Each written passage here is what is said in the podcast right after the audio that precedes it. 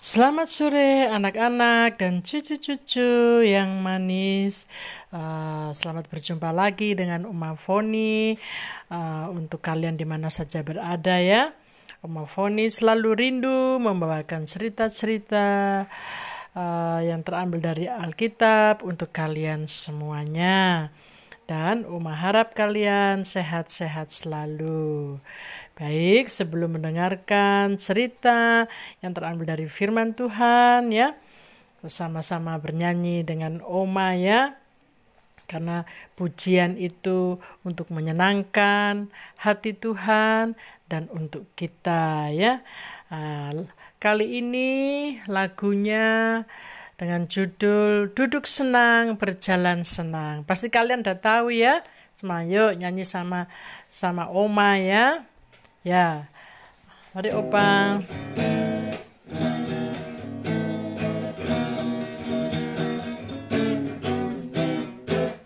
Duduk senang, berjalan senang, di mana-mana hatiku senang. Sejak Yesus tolong saya, hatiku selalu senang. Duduk senang, berjalan senang, di mana-mana hatiku senang. Sejak Yesus tolong saya, hatiku selalu senang. Oh, senang ya anak-anak ya pujiannya ya. Di mana kita berada, baik itu duduk, berjalan, kalau Tuhan sertai kita pasti selalu senang dan gembira ya. Sekali lagi Opa.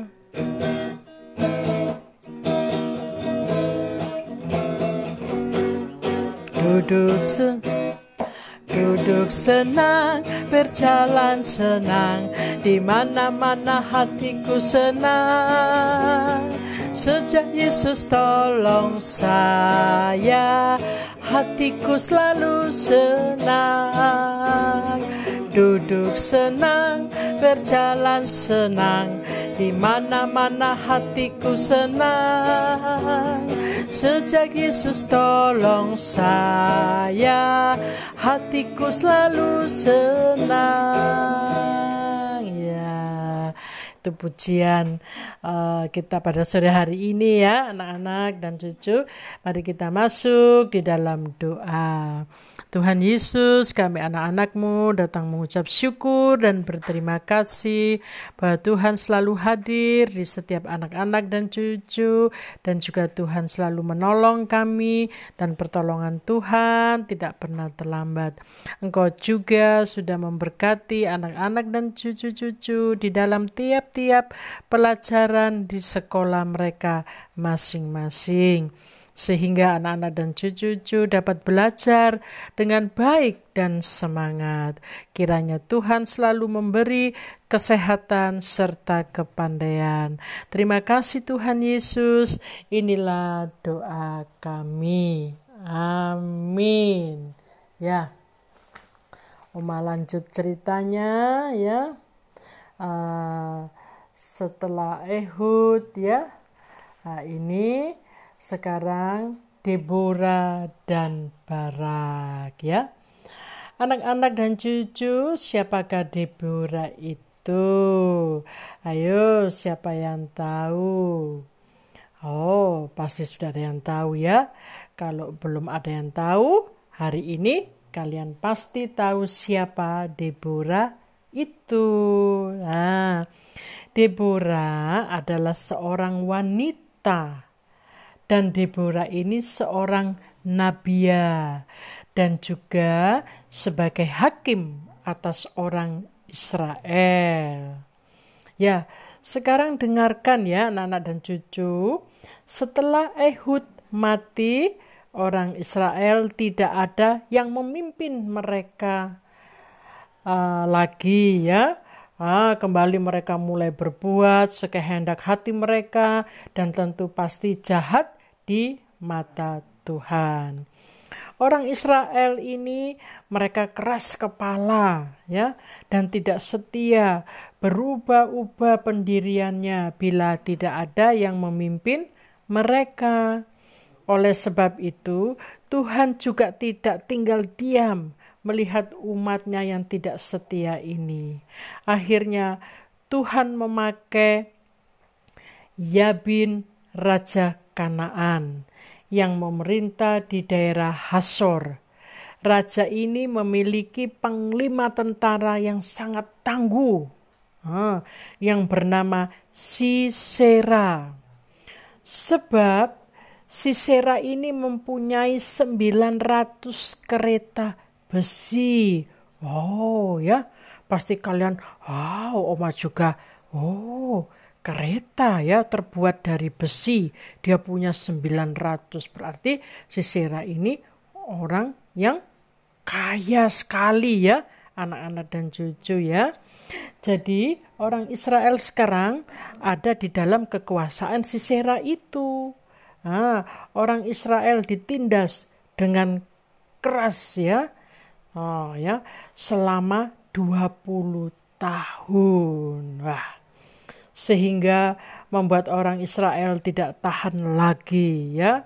Uh, ditindas uh, dengan kekerasan ini. Nah, mulailah mereka ya atau orang Israel berseru kepada Tuhan. Tuhan selalu mendengar akan seruan umatnya.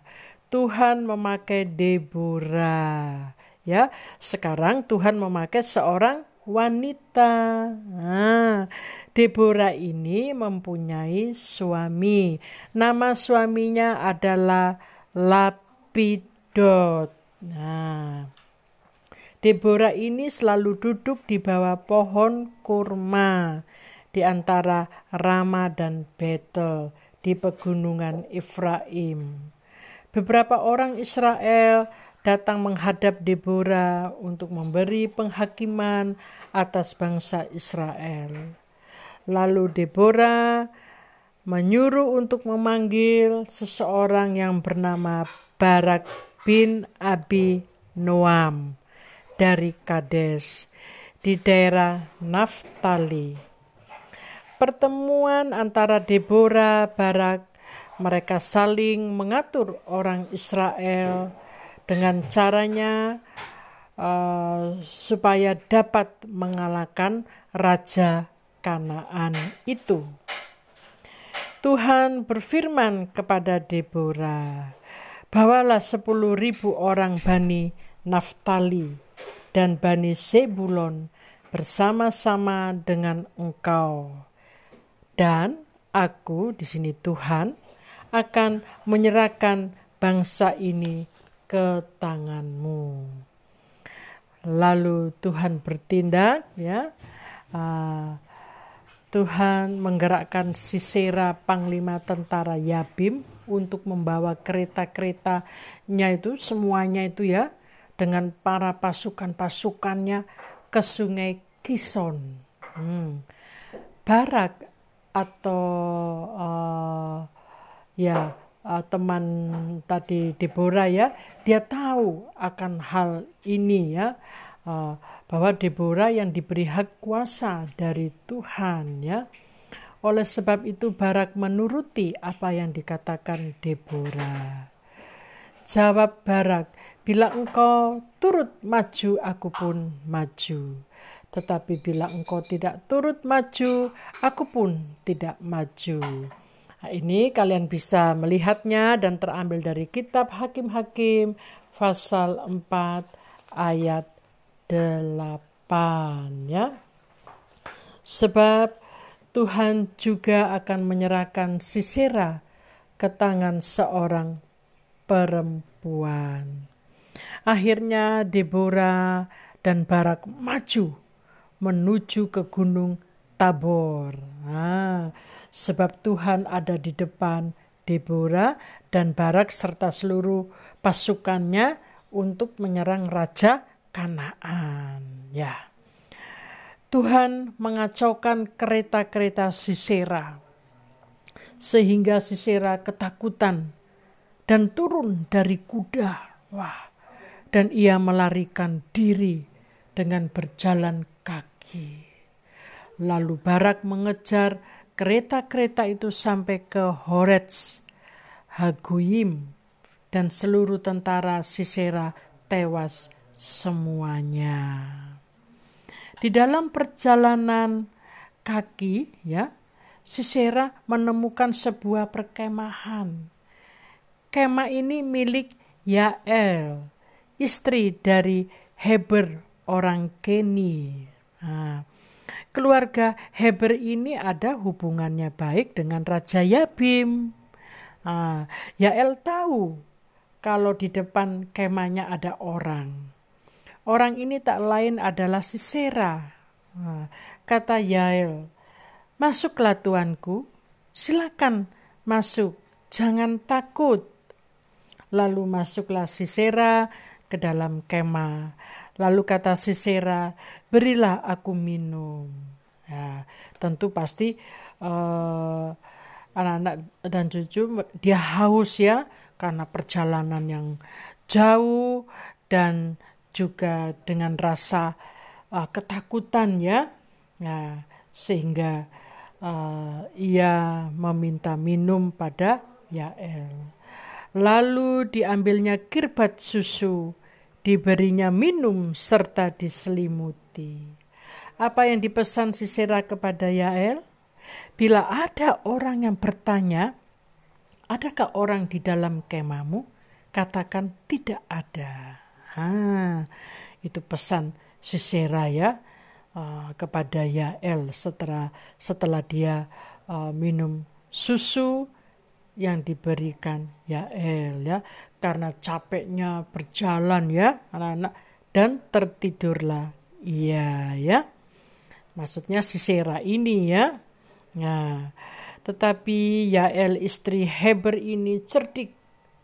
Dia tahu uh, Sisera ini.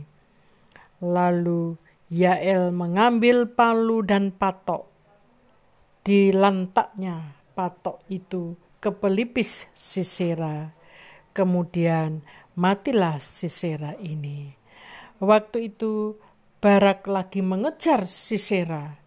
Ditemukan Sisera sudah mati di dalam perkemahan Yael. Akhirnya orang Israel melenyapkan Yabim, Yabin ya, melenyapkan Yabin raja Kanaan itu ya uh, demikianlah cerita dari Oma untuk anak-anak serta cucu-cucu semua.